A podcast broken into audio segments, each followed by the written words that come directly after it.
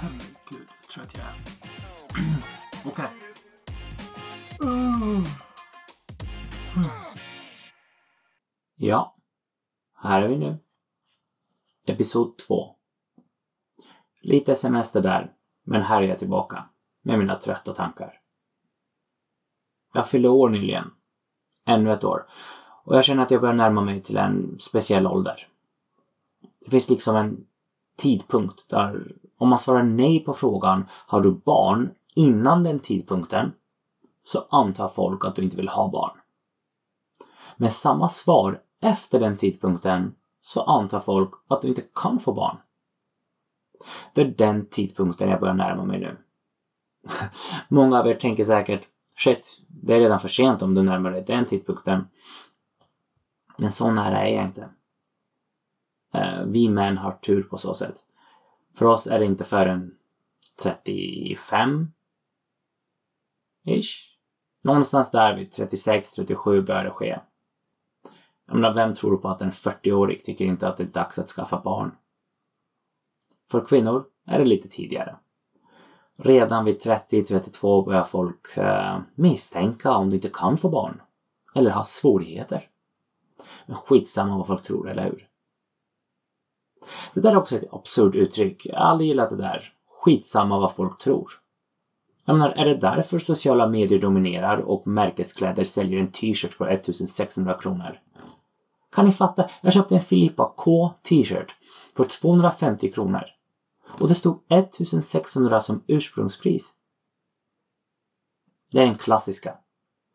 Översminkade halvfulla 23-åringar på klubben som berättar hur mycket de skiter i vad alla andra tycker.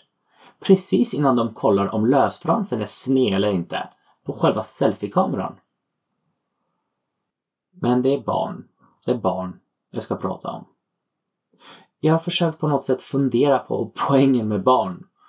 Det är inte att jag inte vill ha barn. Det är inte att jag inte gillar dem. Men jag vill förstå varför man ska ha dem. Många skaffar barn och de som skaffar barn brukar säga att det är bra. Men om många hoppade från en bro, ni fattar. Speciellt nu när det har blivit så att man inte ska uppfostra barn på ett specifikt sätt.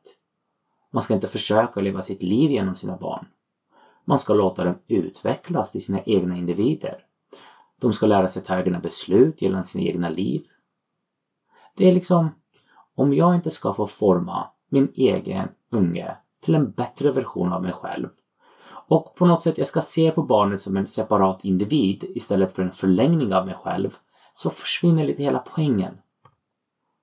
Låt mig förklara. Rent evolutionärt så är tanken att jag ska sprida på gener. Så det är lite mer mekaniskt arbete.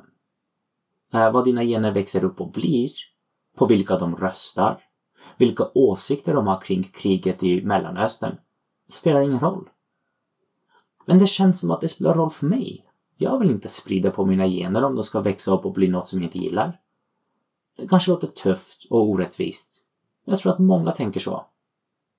Vi kan dra saken till sin spets och säga Skulle du skaffa barn om du visste att ditt barn skulle växa upp och bli ett monster? En Trump, en vit cis-man, en ryss eller miljöpartist? En flat earther, en stockholmare, östermalmare eller tandläkare? Jag tror att många skulle säga nej till det. De skulle säga nej till att sprida sina gener om det innebar att tusentals människor skulle få lida men det är ju en åsiktssak, är det inte? Någon med odontofobi skulle kanske tacka nej till att sprida sina gener om hen var säker på att barnet skulle bli tandläkare. Vem vet? Poängen är att vi människor vill forma våra barn. Vi vill att de ska bli som oss när de blir äldre. Som oss, men bättre. Tanken att man ska låta barnet utvecklas till en egen person skrämmer mig. Jag menar, har ni sett runt? Världen är full med folk med trasiga tankar och idéer. Vi har något som kallas för incels. Ja. Försök att smälta den. Du sprider dina gener och du är så glad. Och då tänker jag jag ska inte leva mitt liv genom mitt barn. Jag ska låta den utvecklas till en egen person. Sen går han och blir en incel. Han hänger på Reddit hela dagarna och skriver hur synd det är om honom och hur orättvist världen är. Ah, Här någonstans tappar jag mina incel-lyssnare antar jag, men skitsamma. Barn. Eh, många ser på barn mer egoistiskt.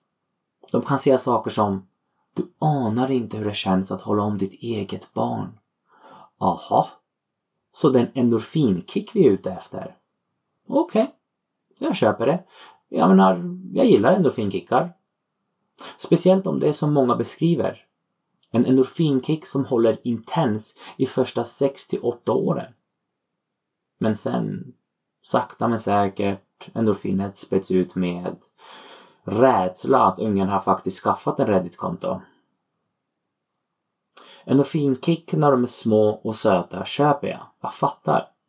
Jag menar en ärlig kram från en liten person. Hur vackert är inte det?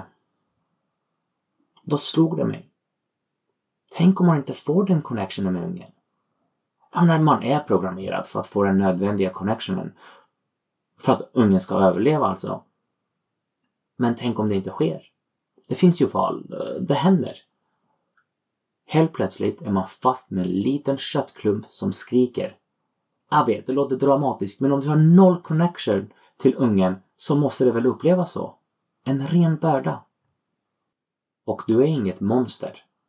Så du står ditt kast. Du tar hand om barnet.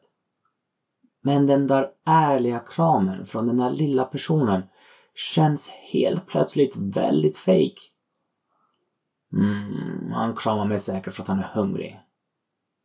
Samtidigt så är man kanske inte lika heartbroken om de växer upp och blir en incel. Jag menar, du har ju ingen connection till honom. Du kan alltid slänga ut en “Jag visste det sedan länge”. Jag fattade det.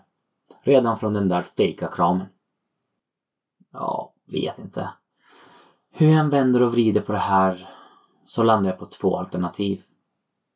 Antingen så älskar du ditt barn. Och blir förkrossad när han utvecklas till någon som du inte gillar. Eller så tolererar du ditt barn och skiter i hur det går.